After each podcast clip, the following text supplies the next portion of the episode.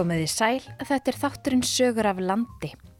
Þar sem við flökkum um landið, ræðum við fólk sem hefur sögur að segja, kynum okkur áhuga að verða staði og skoðum fréttamál líðandi stundar, oft með nýjum augum.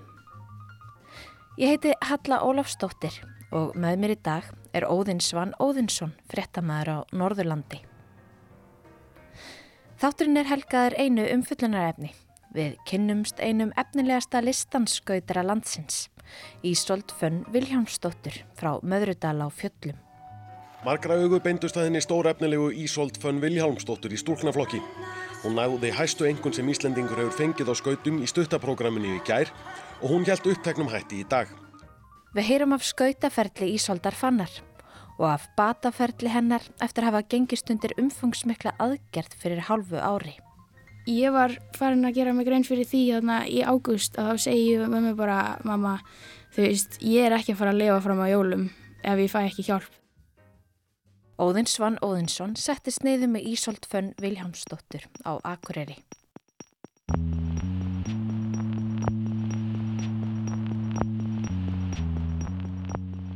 Ég er Ísolt Fönn Viljámsdóttir og ég er í tíunda vekk og hef búin að vera að skauta bara síðan að ég var smá krakki. Þú sagði mjög lítill krakki, hvernig byrjaði það að skauta? Ég var alltaf að skauta bara, þú veist, mamma létt við fá eitthvað að skauta þegar ég var þryggjara og ég fór bara út á tjött, þú veist, heima var í sveitinni og var að skauta.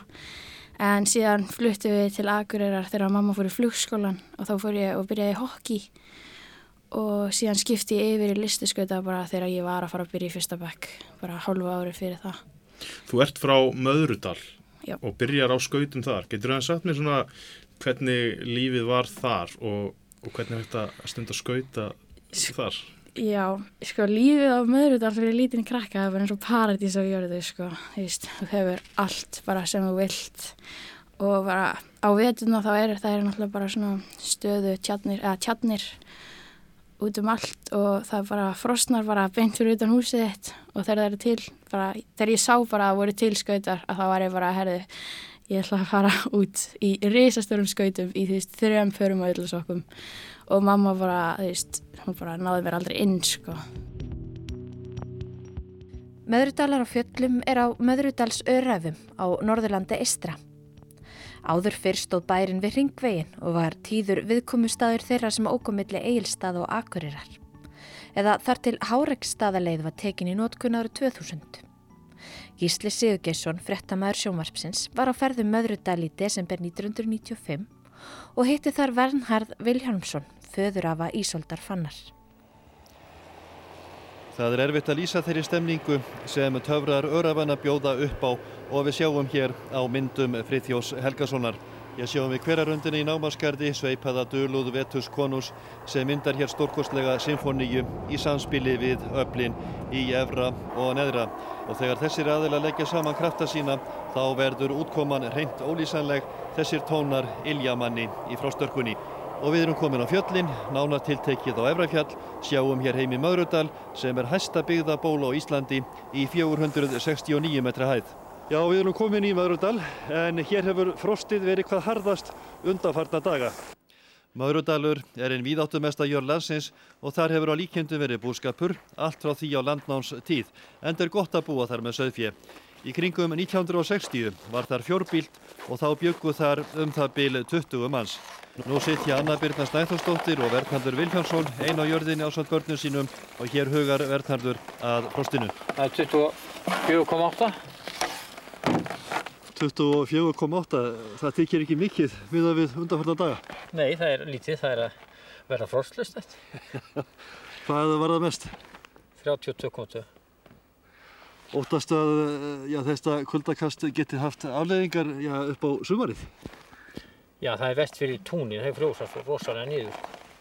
Eins og var hérna á árunum þá fröys, þá var alltaf frost í jörð. Svona um 8-10 þá grófum við skurði hérna og það, er, það var ekki með 50 cm ofan á frost í ágúst, síðast í ágúst. Þannig að frost hefur aldrei náða að fara úr jörðu yfir sumarið? Ekki þá, ég veit, ég held að við færum nú undanferðin átsamt, það var það lít. Já, fjallabændur óttast að langverandi frostörkur og auða jörð geti leitt til þess að klaki fari ekki úr jörðu í sumar. Gangið það eftir, kemur það niður á sprettunni en ærnar í Maurudal láta þetta ekkit á sig fá. Jón Stefánsson, óttast kendur við Maurudal, var afi venna og bjó í Maurudal í um byrj hálfu öll. Hann byggði meðal annars kirkjuna sem það stendur fyrir eigin reikning og var þjósarna persóna í lifanda lífi. En er vond til þess að ættin verði áfram við stjórnvölinn í Maurudal. Ég veit ekki um það hvernig það verður, en erfitt að segja um það núna. Það er allavega engin uppgefið þér. Nei, nei, þetta verður sjást lítið breyting hérna næstunni. Játvel þó kólnir svona dag og dag.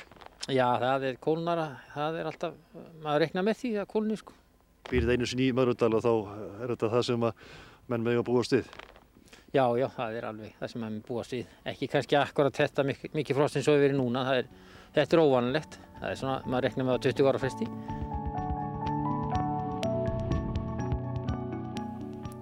Vilhjálmur Vernhardsson, pappi Ísoldar, tók við búskapnum af pappa sínum Vernharði og frá því um aldamótin síðustu hefur fjölskyldan reikið ferðarþjónustuna fjalladýrð og fjallakaffi.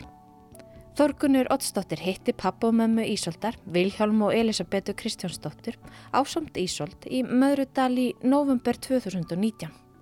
Þá var Ísold fönn 13 ára. Ég er komin hérna upp í Möðrudal á fjöllum.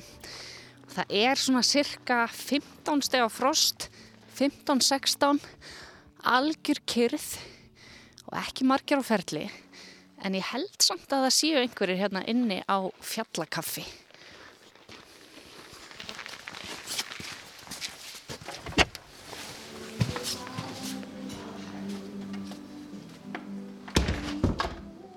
Ég heiti Viljámur Vernhardsson, ferðarstu bóndi og bóndi. En hvers konar búskapur er í Möðrudal og fjöllum í dag? Er þetta fyrst og fremst ferðamanna búskapur?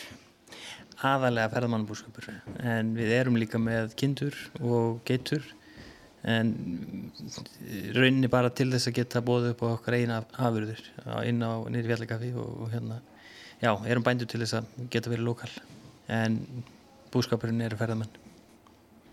Þú ert fættur hérna uppalinn, er það ekki? Jú, ég fættur uppalinn hérna. Og Möðrudalur og fjöllum hefur nú alltaf verið svona, svona viðkomu staður ferðamanna, er það ekki?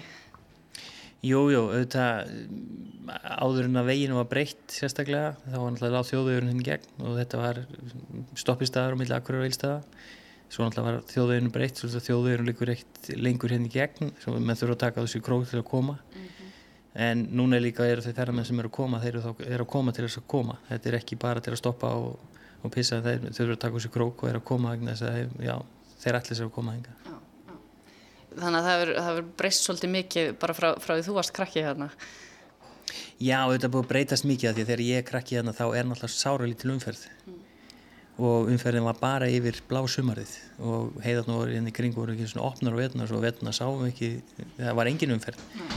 En núna er þetta orðið allt öðris að því að sumartrafikinn orðið náttúrulega þó einhver mikil og það er, já það er ferðamæðar allt árið, það er ferðamæðar já, alla dag ársins og þetta er, þetta er mikil breyting. Hvernig var að alast upp hérna?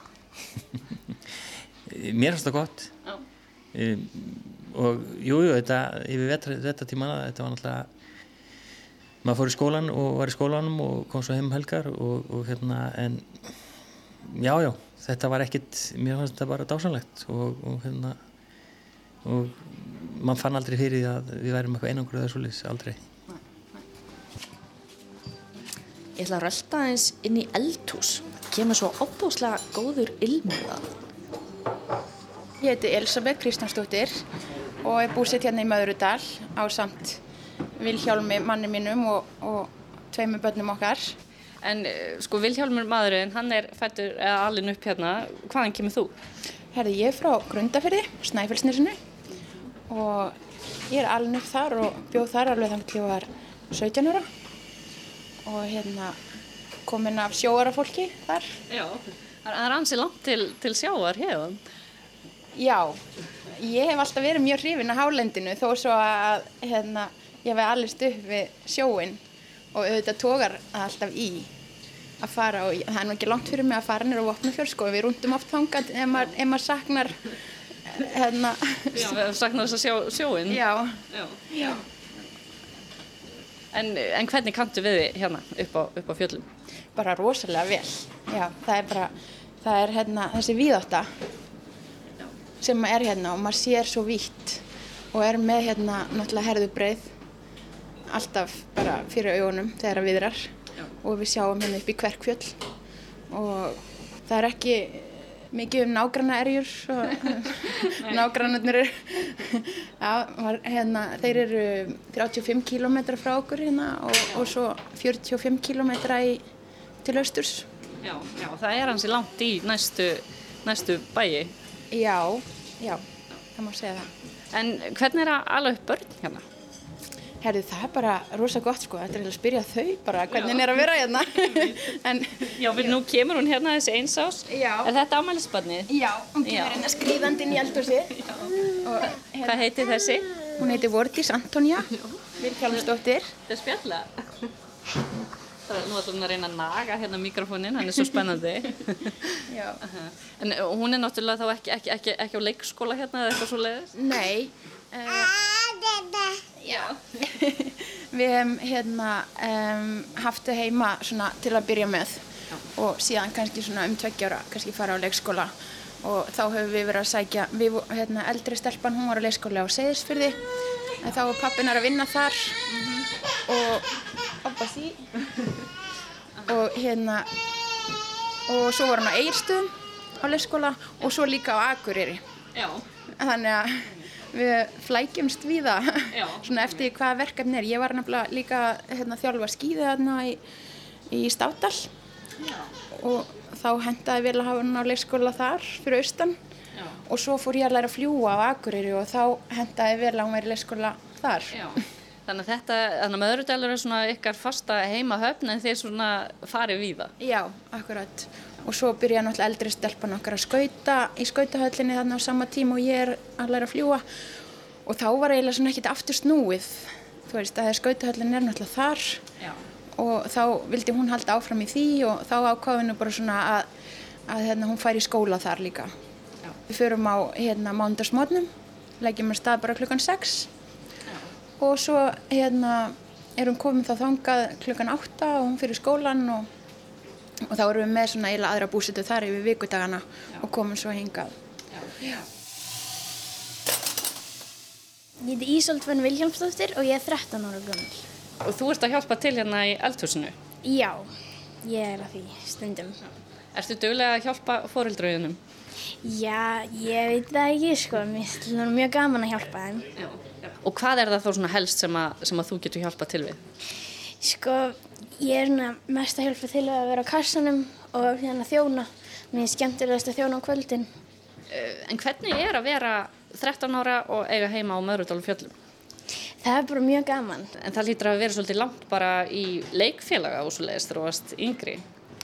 Já, samt ekki sko. Þegar á sumrin þegar það var fólk að koma á tjálstæði með krakka þá stökkjum við til tjálstæði og egnaðist fullt af vinnum sko. En erst þú mikil sveitastelpa? Fyrst þér gott að vera hérna? Já, mér, ég bara elska að vera hérna og mjög, mjög mikið fyrir dýrin og minnst refinir langskemtilegastir og geiturnar líka. Já, það eru náttúrulega refir hérna, bara viltir eða? Já, eða refa yrlingar á sumrun. Síðan fara þær vanalega á haustin. Já, já. Þarna heyrðum við í 13 ára Ísolt Fönn Viljámsdóttur í november 2019 í Möðrudal. Þá heyrði við í mömmu hennar Elisabetu Kristjánsdóttur. Sistur hennar Vordísi Antoníu sem var þá aðeins einsás og pappa Ísoldar Viljálmi Vernharsinni. Þorgunur Ottsdóttir rætti við þau. En aftur í hljóðstofun á Akureyri þar sem 15 ára Ísold Fönn settist niður með óðunisvan óðinsinni á dögunum og rifjaðu upp fyrstu skautarinslu sína á ísilögðum tjörnum í Möðrudal á fjöllum. Ég náttúrulega æfði ekkert á tjóðnónum en ég byrjaði á tjóðnónum að skauta og bara fann hvernig bara þetta var bara það sem að gerði mér bara gladast að bara, ég var bara úti allan daginn bara að snúa mér í kringum eitthvað girðingastur. Þú fannstu það strax bara þegar ekki að fjara ára að þetta væri bara þín ástriða? Já, svona eins og ég man það að þá var það bara þannig og um leið og við flyttum til Akureyrar þá bara fyrsta sem ég vildi gera þegar ég fekk hokki svona, ég fekk svona alvöru hokkiskauta og þá var ég bara, herri, let's go bara niður í skautaðöld sko. Og ég var aldrei alltaf pökkin sko, ég var bara dansandi í kringum pökkin og skautaþjálfurinn sem var hérna á þeim tíma og hún sagði bara við mömmu bara, herði, þessi stelpa hún á heima á listiskautum. Það var ekkert í hokkíinu sem heitlaði nema bara þá skautanir. Skautanir, sko, og hraðinn. Já, er, eru fóreldræðinir með einhvern bakgrunn í þessu voru að koma þessu að þér eða kemur þetta bara frá þér? Um, þetta kemur bara frá mér, sko, skautanir allavega en mamma og pappi voru bæðið mjög mikið að stunda íþróttir þegar þú voru yngri og eru mjög íþróttarlega sinnuð en lappa fjöll og skýða og allt svona útivistar. En lífið þarna á Möðrudal, hvernig var með skóla og, og svoleiðis? Ég fór í leikskóla á Egilstöðum að því það er næsti bær við og Víst, það er náttúrulega ekkit einfalt sko, það er engin skólabíl sem að kemur þarna lengst upp á fjöll og veginir opni ekki fyrir enn tíu á mótnana af því að það, þarf að riðja vegin á hverju mótni þannig að þetta var svona flókið og þegar mamma fór í flugskólan á Akureyri og ég var að byrja að skauta og bara, þú veist, náttúrulega elskaði að skauta að þá var einhvern veginn bara eina í málinu að bara halda áfram að vera hér og það væri bara einfaldast fyrir alla. Þannig að það er stór hluti af ástæðin fyrir flytjninga, er, er þín skauta áhug? Já, eiginlega. Hvað er gömul þegar, þegar þið færið ykkur hérna í bæin? Seks ára, bara þegar ég byrja í fyrsta bekk, að þá byrja að vera svona alveg hérna. Og þá, strax þá, er þessi skauta áhug orðin miklu meir en bara eitthvað smá áhugamál. Þetta, þetta bara tekur yfir lífið þitt, má ekki segja það? Jú, eiginlega og sérstaklega þegar ég byrjaði með ívötu rætmaður og við gamla þjálfvarunum mínum að þá var þetta bara orðið svo skemmtilegt og þú veist, maður var alltaf að læra eitthvað nýtt og bæta sig og þetta var bara eitthvað nýtt á hverju æfingu og maður var alltaf spenntur að fara neyrir þér og það var svona þegar ég var áttara þegar ég skipti til hennar og þá fyrir við bara að fara út í æfingabúðir og keppa út í útlöndum í keppnisverðir og það er svona, já, bara geggjað sko. Í oktober 2014 var sagt frá árangri Ísoldar Fannar í Íþrótafréttum sjómvarps. Hún var þá aðeins 8 ára. Haugur Harðarsson segir hér frá. Byggarmót skautasambands Íslands í listlaupu á skautum fór fram í lögadalshöllum helgina. Mikill uppgangur hefur verið Íþróttinni hér á landi síðustu ár. 35 keppendur tóku þátt í byggarmóti skautasambandsins að þessu sinni en yfkendum hefur fjölgað mikið í Íþróttinni síðustu ár. Þeir reyna sífælt erfiðari æfingar en áður og keppnin í hinnum ímsu flokkum harnar ár frá ári. Íslandsmótið fyrir fram á Akureyri í lók november en keppendur frá skautafélagi Akureyrar voru afar segursælir í yngri aldursflokkunum í laugardalum í dag. Í flokki 8 ára á yngri fagnaði Ísolt Fönn Viljámsdóttir sigri. Eru margir að æfa á Akureyri? Já, svolítið margir. Og fóruð þið saman öll lenga til Reykjavíkur að keppa á þessu móti? Já, nema við fórum kannski ekki í rútu. Við fórum bara, þú veist, svona í bíl. En fer þessi byggar í safnið þetta áttu marga fyrir? Já, já. Ekkert svo marga samt. En hvert stefnur í íþróttuna allar kannski að enda olimpíuleikum? Já, kannski. Sagði Ísolt Fönn Viljámsdóttir, 8 ára.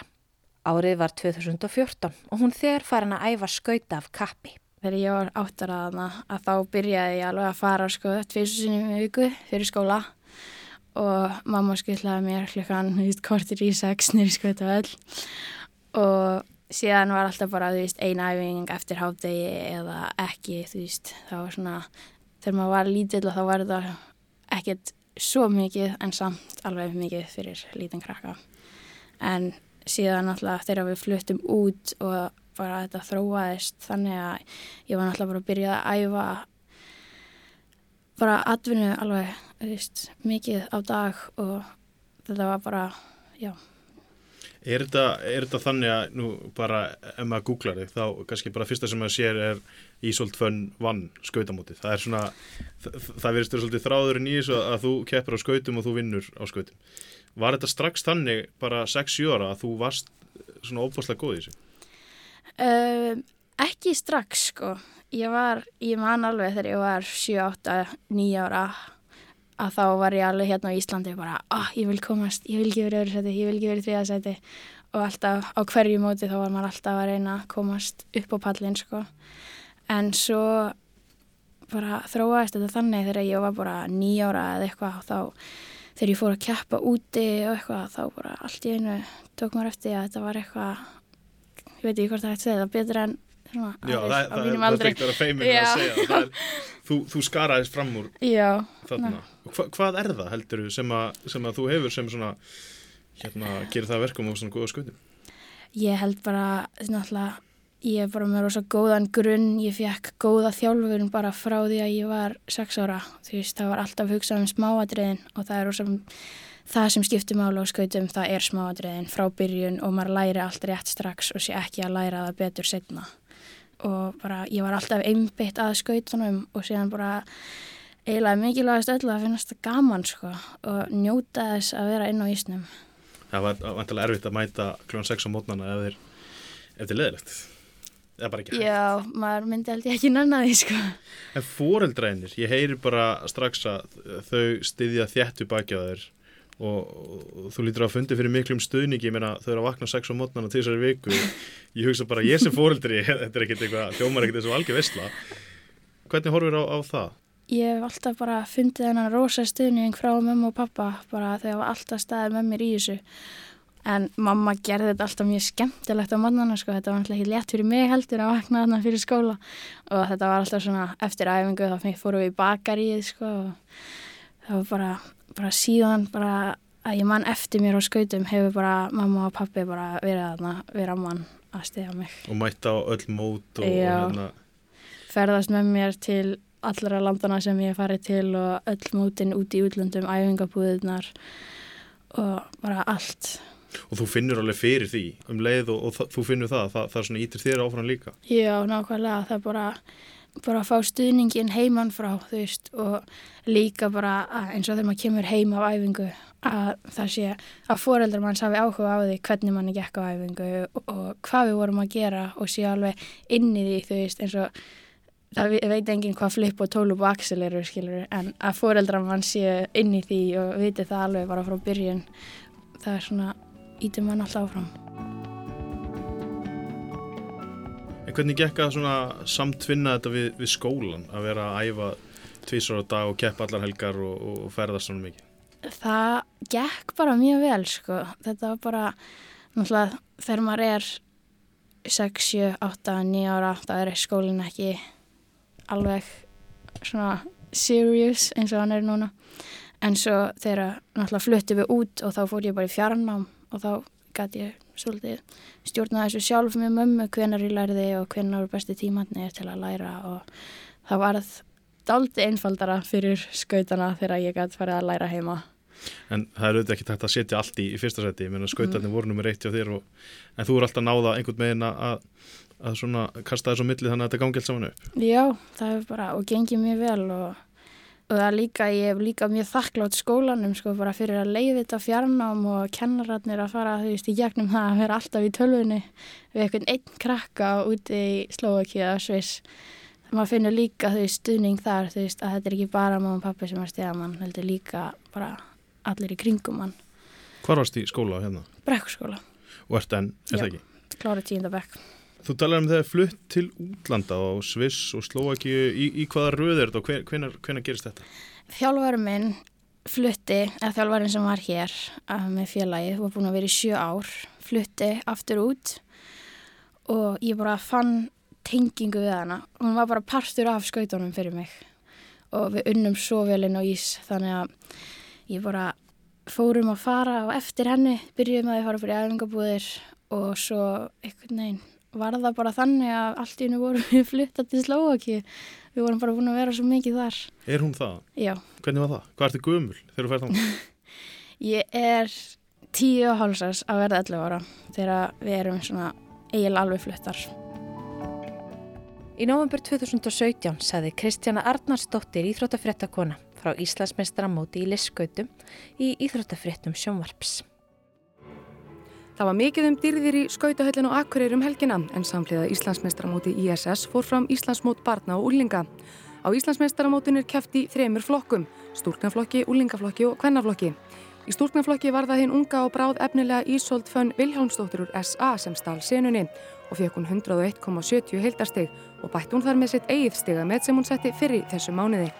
Þú settir hvað, nýtt Íslandsmet, hvernig er tilfinningin? Mjög góð, daldi skrítin en hérna, Og hvernig er þá venjulegu dagur hjá þeir? Ég frétti að þú erir ekki hérna á Íslandi, þú ert að æfa einhverstað annar staðar. Já, ég er að æfa í Slovaki í Bratislava og hann byrjaði þannig að ég fyrir bara á æfingu og svo kemur bara heim og læri og svo er bara æfingar eftir hádegi. Nei, þú ferð á hvað? Tvær æfingar allavega á dag? Uh, svona tvær til þrjár en ég tel samt ekki æfingarnar þannig. Sagði Ísolt Fönn, 11 ára, í Íþróttafréttum sjónvarps. Þetta er náttúrulega fáránlega upplöfun fyrir lítinn krakka að vera komin í þessari risastóru stórborg, Bratislava og bara menningin öðruvísi, veist, svo mikið af fólki og þetta var bara, og skauta heimurinn bara að sjá hvað hann er mikið stærri en Ísland.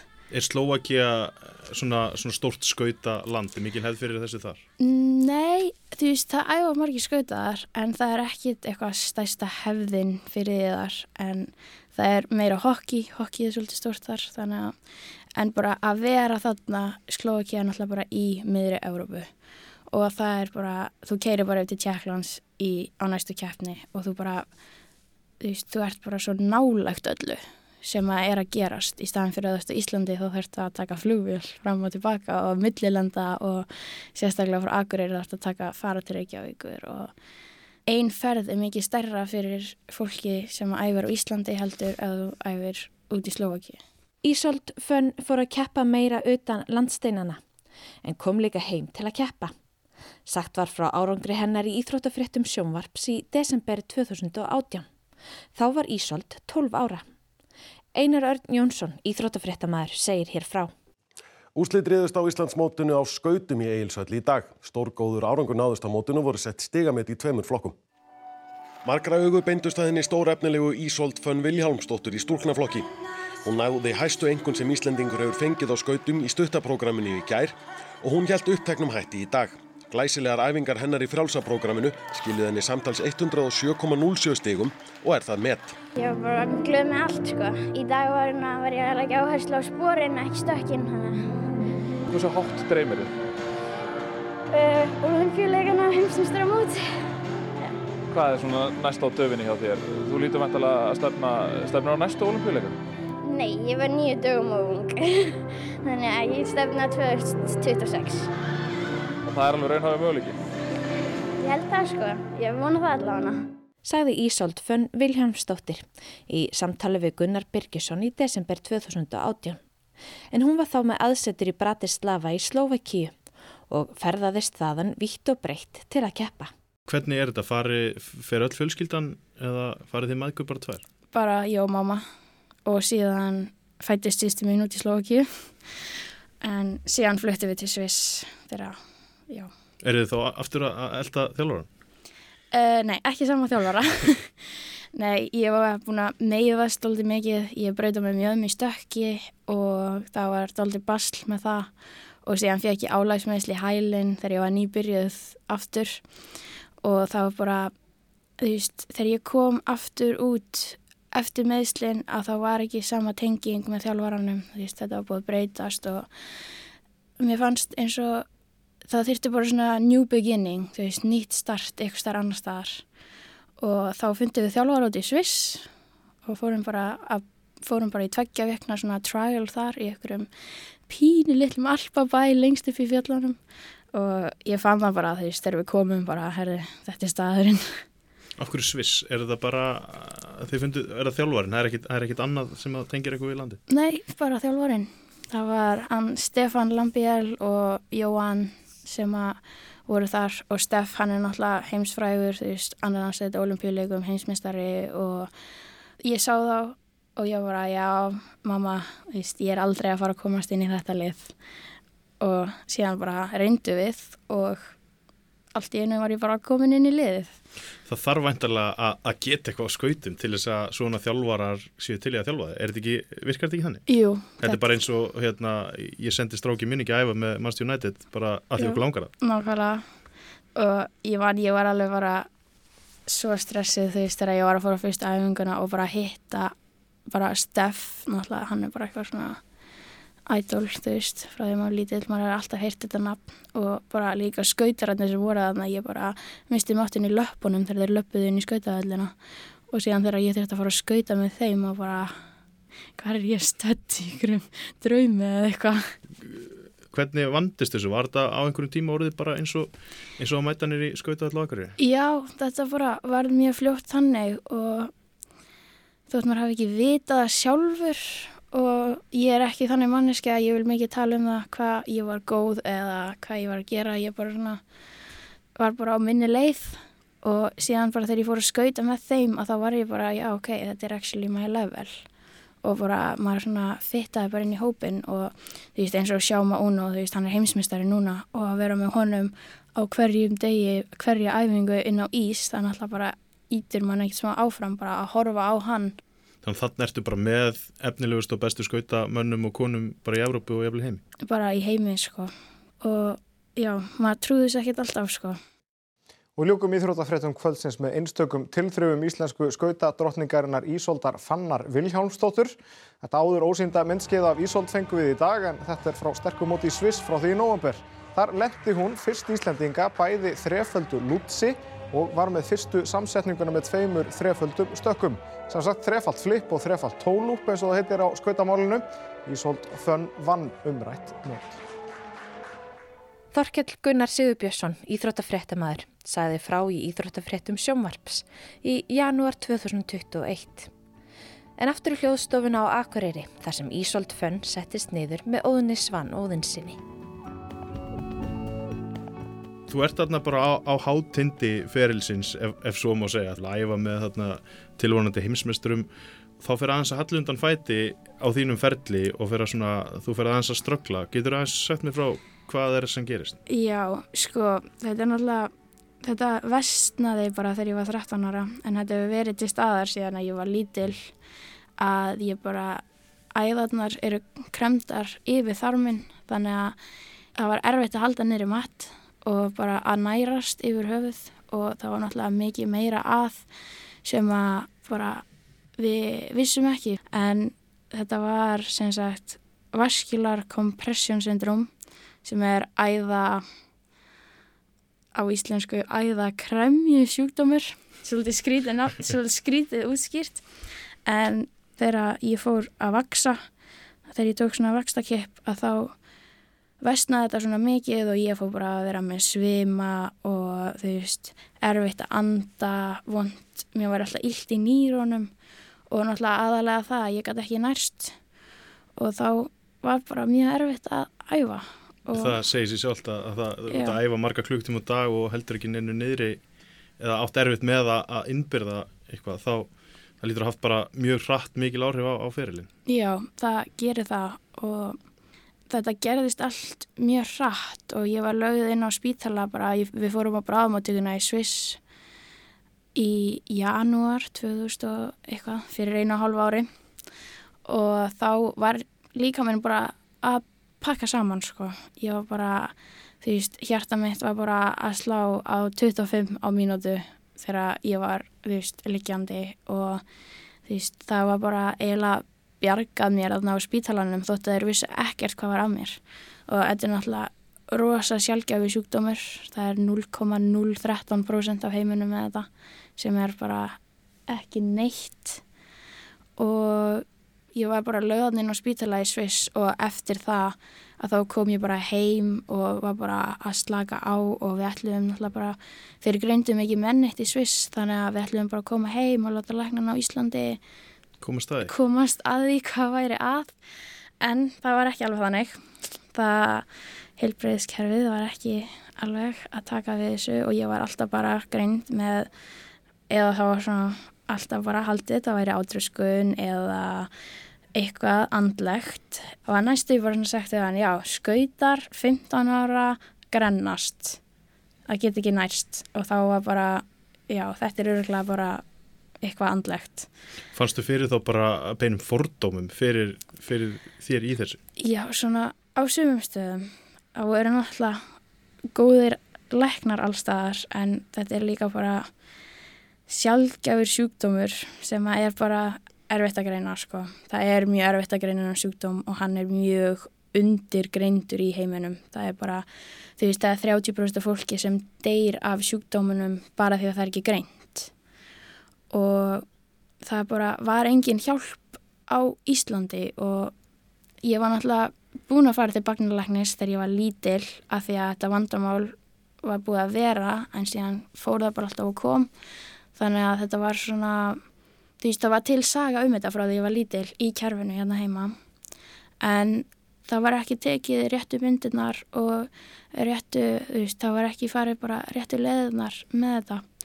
Og ég var bara, þú veist, látin prófa eitthvað í liv og eitthvað sem var ekki að hjálpa. Og ég fekk sem sagt sondu út í Sviss sem að fór þetta er svolítið ógæslegt, niður í þarminn fram hjá þrengingunni. Þannig að ég gæt nærst. Og ég bara byrjaði að æfa aftur mjög lítið Þannig fannstu samt um leið og, og, og það var farið þessa leið og, og þessi aðferð nótuð, þá mæntilega komist það í hvað var að eða, eða Nei. Var bara, Þetta var bara einhver leið til þess að láta þið fungera Já. Þetta var svona tímabundin viðgerð. Já, svona eins og einhver plóstur Já, nokkvæmlega og við vorum bara frá því þanga til í í oktober frá februar þanga til í oktober að bara fara frá lækni frá lækni hérna á Íslandi og bæði líka út í Sviss Hvernig leið þér bara svona andlega e, allan þennan tíma, þetta lítur að teki mikið á. Já, þetta tók alveg á og ég var, ég var farin að gera mig grein fyrir því þarna í águst að þá segi ég með mig bara, mamma, þú veist, ég er ekki að fara að lifa fram á jólum ef ég fæ ekki hjálp, þú veist, það er engin hjálp, það er engin að fatta hvað þetta er en ég bara veit að þetta er ekki að fara, ég get ekki að lifa svona. Og það var held ég svona, já, þetta bara tók mjög mikið á öllu en og líka bara, þú veist, náttúrulega fóreldra mín eru ekkert smá bara hrættir um badni sitt og bara allar áhyggjurnar og allt. Fannstu þá bara að það, það, þú væri bara að gefast upp? Það er líkafinn? Já, bara líkafinn bara að gefast upp, sko. Og það er virkilega erfitt fyrir alla einmynda sér það en þegar þú getur ekki borðað eða, eða drukkið vatn og getur ekki staðið upp án þess að það sé að fara að líða yfir þig að þá er lífið stálta erfitt. Hvernig lísti þetta sér eins og segir? Þú getur ekki borðað og drukkið hvað, hvað er það sem kom í vekk fyrir það svona Já, beint? Já, sko, þetta er kallað SMA syndróm sem er Superior Mesenteric Artery syndróm og það er þar sem að slagaðarnar er að skipta sér til að fara bara í síkvæð hlutana líkamannum og, og þarmurinn þar á milli er kramin. Þannig að þeirra bara vögvi bara hvað sem að þú myndir láta onni þig fer á þann stað í þarmannum að þá kemst það ekki þar í gegn þannig að það fer hinn að leðina út. Akkurát. Og þetta er bara, og þá er náttúrulega margt meira að, þú veist, sem að ég var náttúrulega greint með þarna fjórar æðakremjur sem að útskýrði bara allt fyrir mér. Bara svona lífið frá því að ég var bara krakki.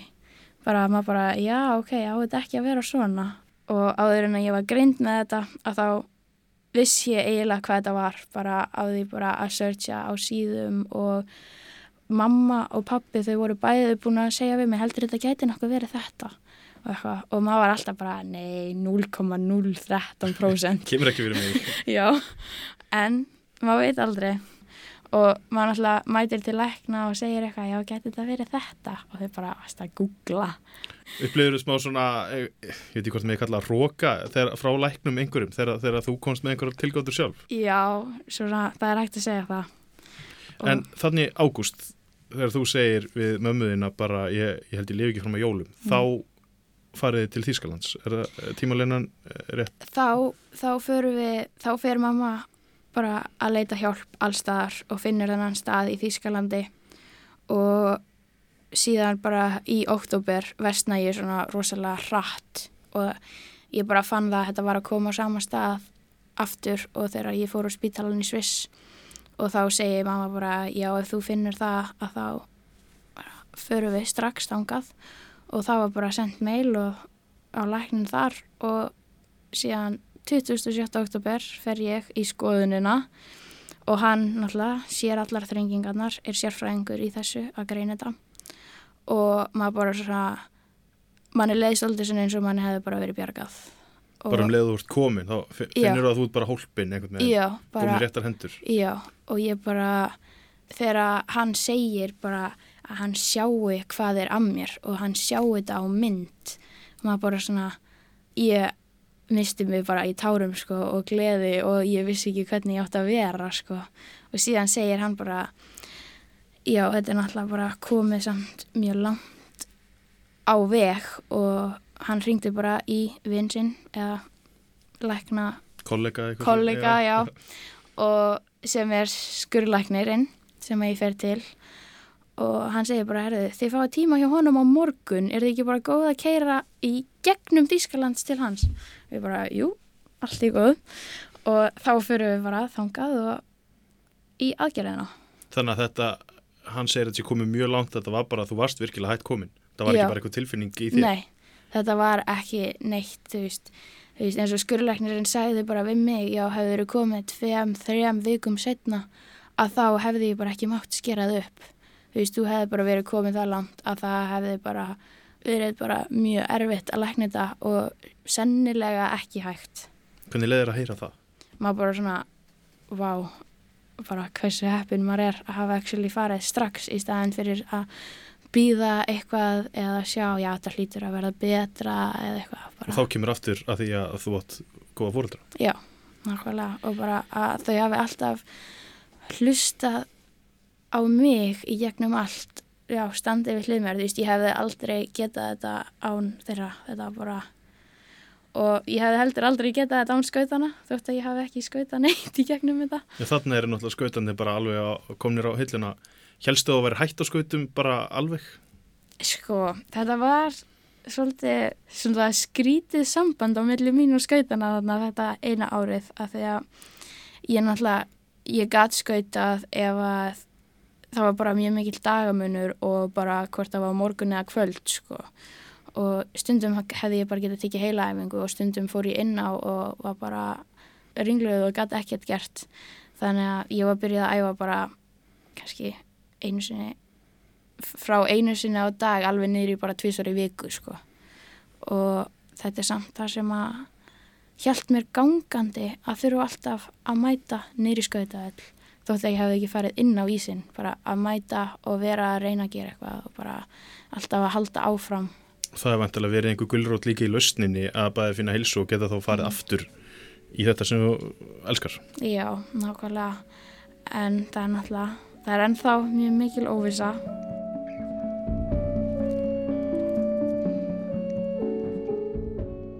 Já, þú ferð í þessa aðgerð, þannig að þú keirir þvert yfir Þýskaland daginn eftir, ertu skorinu upp. Já. Þetta er engin smá aðgerð. Ég veit Já. að þú varst ekki þarna nema bara svoandi. Já, en þú getur kannski, eh, þú veit alveg heyrt eitthvað, hvað, hvað var verið að krukki þér?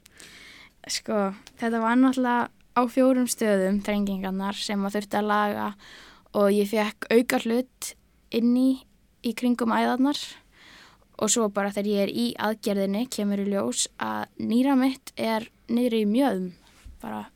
Það þurfti að færa það upp og þannig að þetta var 6,5 tími Það sem þú ert í aðgerð. þar sem ég er í aðgerðinni alveg opinn og þetta er náttúrulega eitthvað sem að mann finnst ótrúlegt að hafa upplifað bara spítala dvölin og allt að geta vera alveg gjörsamlega ósjálfverka Þegar vaknar upp eftir aðgerðina, finnur þú þá, veintalega alveg hérna búið að deyfa allt og, en finnur þú þá að uh, þú ert betri? náttúrulega ég var með alls konar rör út úr mér á fjórum stöðum. Þannig að maður var svolítið svona dauður næstu þrjá daga. Eðlilega, eftir Maður sex bara- tíma aðgerð. og ég var á sko mænuróta deyfingu í tíu daga eftir. Þannig að alla þá daga er maður svolítið svona utan með sig. Allur svona svolítið dofin en ég man samt að þeirra bara daginn eftir aðgerðina þegar ég mátti fá mér að drekka þá var ég bara terrified ég bara hvað ef að ég hef farið alla þessa aðgerð og ég er ennþá, ég get ekki látið neitt onni mig. Síðan bara þeirra vatnið og ég bara, það var allt venjulegt og þá var ég bara, oh my god, þetta virkaði actually og Þú fannst það bara, ég fann það bara, bara þegar ég drakk vatnið. það lítur að vera góð tilfinning. Já, ég var bara, ég hefði öskrað hefði ég getað það, sko. Svo kemur heim í einhvers konar endurhæfingu sem að Mhm. þú ert bara ennþá í, er það ekki? Jú, ennþá. Hvernig var að að koma heim? Mér finnst náttúrulega bara geggja að vera komin aftur heim til Íslands og að fara bara í skólan og þannig séð vera venjulegur úlingur. En þetta er búið að vera erfitt. Fyrstu tvo mánuðina, eða einn og halvan, þurfti einhver að lappa við hliðina á mér bara, veist, að því að ég gæti ekki lappa sjálf. Og þannig að endurhæfingin er búin að vera rosa langt ferli og er ennþá langt framundan. En hver er staðan á þér núna? Nú eru nokkru mánuði leirnir og þú sagði mér þegar þú varst að koma inn að þú varst að koma úr sjúkraþjálfun þegar maður Yes. yes. verið stór hluti af þín lifi síðan. Já. Eh, Hvar, hvar er Ísoldi í dag? Ég er bara svona byrjuð að lifa nokkuð venjulegu lífi. Þú veist, ég get farið næstuð í heilan dag í skólan sem er bara frekar stort skref í þessu. Fyrst þegar ég kom að þá var ég að fara einn tíma, tvo tíma, þetta er búið að vera svona Tröppugangur í þessu. nákvæmlega bara og ég er svona já, byrjaði að geta bara gert meira í sjúkraþjálfun og finn að ég er að fá svona kraftana í líkamannum aftur en á sama tíma finn ég alveg fyrir aðgerðinni og ég finn ennþá alveg að það er alveg langt bataferðli framundan en þá þetta er svolítið bara, þetta er svo einstaklingsbundið sko og þeir sögðu það náttúrulega bara við mig en þeir sögðu bara að þetta er svona þrý, eftir þrjá mánuði að þá getur við farið vera svona nokkuð bara verkja laus og átt að þurfa ekki að taka neinn lif lengur. Og svo núna eftir sex mánuði ættir við að geta verið orðin svona frekar lifa svona nokkuð venjulegu lífi svona engar íþróttir eða neitt og bara endurhæfing og síðan bara eftir eitt ár mætti ég prófa einhverjar íþróttir eða Þannig að þetta, þetta er á áallun þessi, já, já, já, þetta er á áætlun að sumuleiti. Það var náttúrulega, við vissum ekki af þessu með nýrað sem að var svona, sem er svona stærsti hluturinn núna fyrir mér er að ég fæ mestanverk í nýrað þegar ég er á þetta reitt.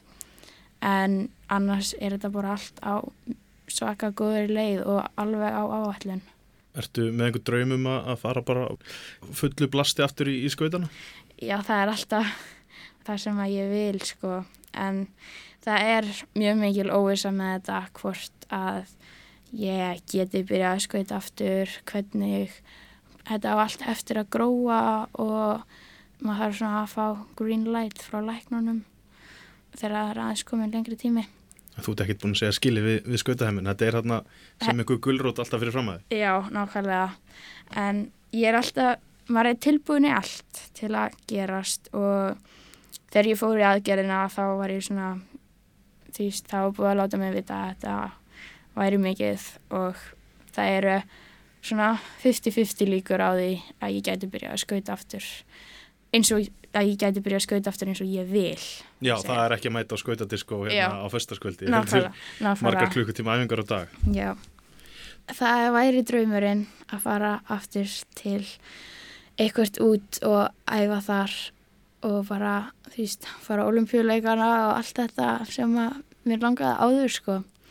En ef ekki, ef að þetta verður eitthvað vesen, að þá, þú veist, hef ég áhuga á svo mörgu líka. Mér finnst gaman í skólanum og ég er bara spennt, að fara í framhaldsskóla og vera líka bara á möðrudal, sko. Og vera bara eins og þú sagðir á, venjulegur úlingur. Já. Þú ert í tíundabæk núna og ert að klára, þetta er svolítið svona það er tímamót hjá þér fyrir utan skautana núna í sumar. Já, Og hvert, hvert stefnir þú bara svona ef við leggjum skautana aðeins til liðar? það er mentarskólinn á Akureyri, Emma, og ég er einmitt að fara að sækja um þar. Það var að byrja umsókna tíminn núna og mér langar bara, þú veist, að standa mig vel í skólanum. Ég hef alltaf sett svona ákveðna pressu á sjálf á mig í hverju sem ég geri að ég vil gera það vel og síðan bara, þú veist, að vera bara á Möðrudal í sumar. Ég held ég sé ekki búin að vera heilt ára á Möðrudal, nei heilt sumar á Möðrudal síðan að ég var 7-8 ára. Og það komið að því? Já. Og er það bara hérna, sveitastörfin og, og, það sem gengur beint inn í? Já, já, já, það er bara, veist, slá grasið og vera með yrlingunum og kindunum og öllu bara. Það er hljómar sem bara svona ágæti staður til að ná fullum bata. Já, ég held það og ég held að það muni líka bara vera mjög mikilvægt fyrir mig og fyrir batan að aðeins fá svona að svona tengjast jörðinni þar. Tengjast jörðinni, ég held sé ágætis loka orð Ísolt, ég þakka að kella fyrir komuna og bara gangið þér vel. Takk fyrir.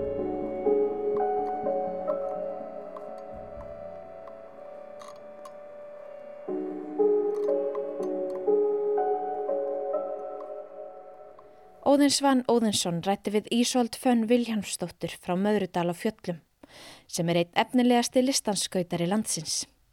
Hún saði okkur frá lífi sínu allt frá Möðrudal til Sviss og bataferli sínu eftir umfangsmikla aðgerð sem hún þurfti að gangast undir fyrir hálfa ári síðan. Tónlistin var eftir og í fluttningi múm. En þá kom að lokum hjá okkur í sögum af landi í þetta sinn. Tæknimaði þáttarins var Lydia Gretarsdóttir. Við þökkum þeim sem hlýttu, lifið heil.